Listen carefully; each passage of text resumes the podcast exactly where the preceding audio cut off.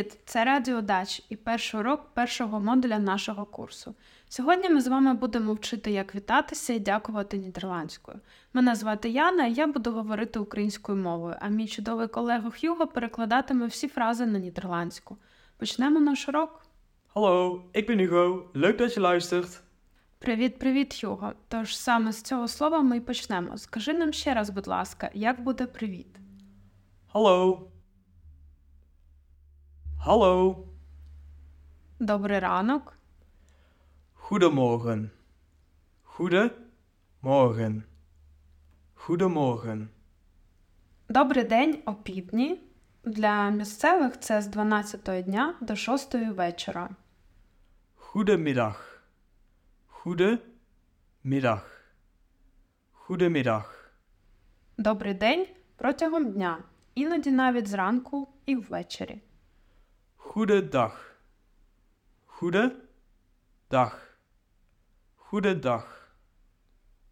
А тепер добрий вечір. Goedenavond. Goedenavond. Goedenavond. Дякую, Х'юго. Тож ми вивчили, як вітатися, а тепер час переходити до питань, що нідерландці часто використовують в продовження бесіди. Зазвичай це просто прояв ввічливості. Наприклад, ви часто можете чути питання як справи. Hoe gaat het? Hoe gaat het? Hoe gaat het? Чи все добре?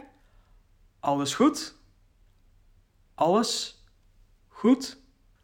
Alles goed? І найкраща відповідь на обидва питання худ, що означає добре. А ми переходимо до висловів, які вам знадобляться, щоб попрощатися і побажати гарного дня. Почнемо з формального до побачення. Tot ziens. Tot ziens. Tot ziens. А тепер неформальне пока. Doei. Doei. Гарного дня, Fijne dag. Fijne dag. Fijne dag. Гарних вихідних. Fijn weekend. Fijn weekend.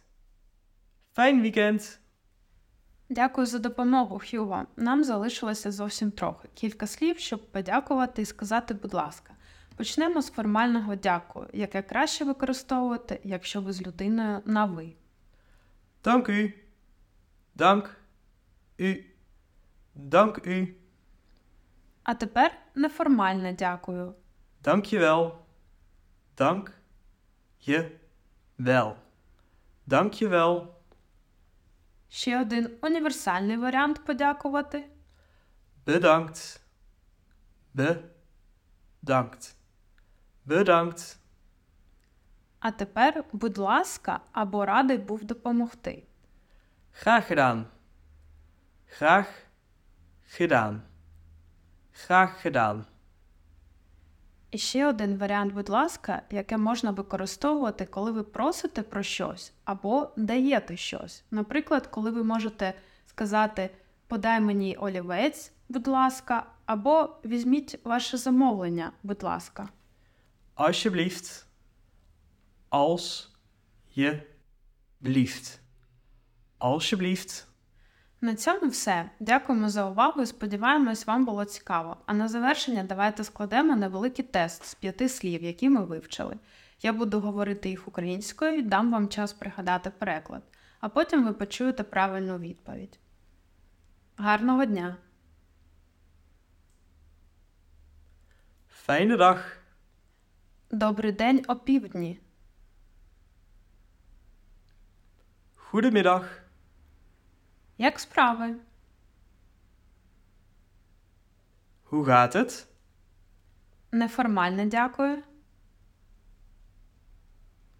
Dank je wel. Будь ласка, або радий був допомогти. Graag gedaan.